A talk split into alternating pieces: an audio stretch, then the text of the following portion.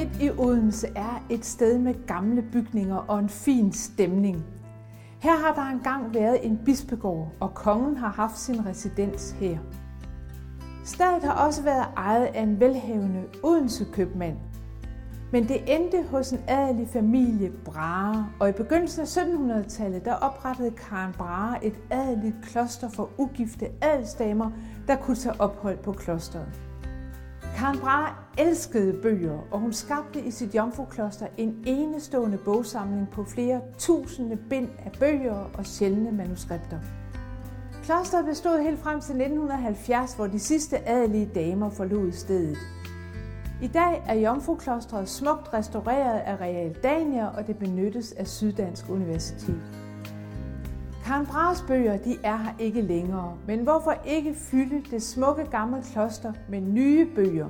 En samling af det bedste af nyere dansk litteratur.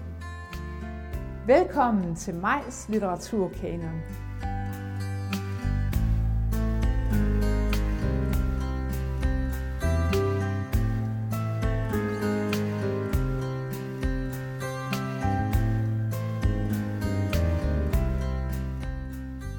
Ida Jessen har skrevet en serie på tre romaner om et galleri af personer fra den lille by Vium på kanten af Limfjorden.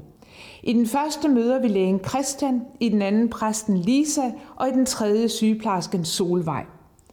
Egen er ikke særlig påfaldende, men mange historier og voldsomme følelser ligger gemt i huse og gårde. I den midterste roman, det første jeg tænker på, er fortælleren Birgitte søgt ud på landet for at komme sig ovenpå et ulykkeligt kærlighedsforhold til en gift mand – Birgitte hun lever ellers sit single-liv i storbyen som freelance-skribent med venner og barbesøg og erotiske eventyr. Men en ulykkelig kærlighedshistorie har alligevel ramt hende, og hun indser, at hun trænger til luftforandring og til at tage sin kærlighedssorg alvorligt, ligesom man gjorde det i gamle dage. Hun tager kontakt til sin barndomsveninde Lisa, der er blevet præst i en lille by og nu har fået både mand og to børn. Birgitte flytter ind i den renoverede graverbolig over for præstegården, men øh, den her fred, der er på landet, den bliver kortvarig. Lisas familie rammes nemlig af en frygtelig tragedie, da hendes søn på sin syv års fødselsdag køres ned af en flugtbilist.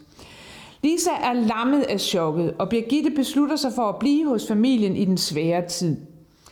Alle i byen stiller sig selv spørgsmålet om, Hvem er flugtbilisten? Og mistanker og mistro breder sig imellem beboerne. Alt imens Lisa bevæger sig længere og længere ind i sin vanvittige sorg.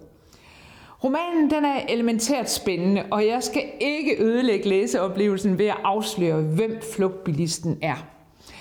Men selvom den spændende handling griber læseren, er det også selve stemningen og personkarakteristikken, der kommer til at optage os. Præstegården den er meget interessant som en lokalitet i romanen. Den er på en måde indbegrebet af hygge og tryghed, men hos Ida Jessen er den også mystisk, og der er farlige og mørke steder i haven og i huset. Den unge barnepige, der passer Lisa og Frederiks børn, er elsket af børnene, men hun har også en gådefuld side, og der er nogle dunkle punkter i forholdet mellem de to veninder, fortælleren Birgitte og Lisa. Det første, man som læser tænker på, når man er nået et par sider ind i romanen, det er mesteren, 1800-talsforfatteren Sten Stensen Blikker, der jo kunne lodde dybderne i en egen og dens mennesker og få fortælleren til at afsløre sig selv og vise sin upålidelighed. Og det er virkelig skønt at få en nutidsparallel til Blikkers særlige fortællekunst og hans karakteristik af sine fortællere, sine personer og deres miljø. Romanen giver sin læser lyst til at genlæse blikker, men også til at læse meget mere af Ida Jessen.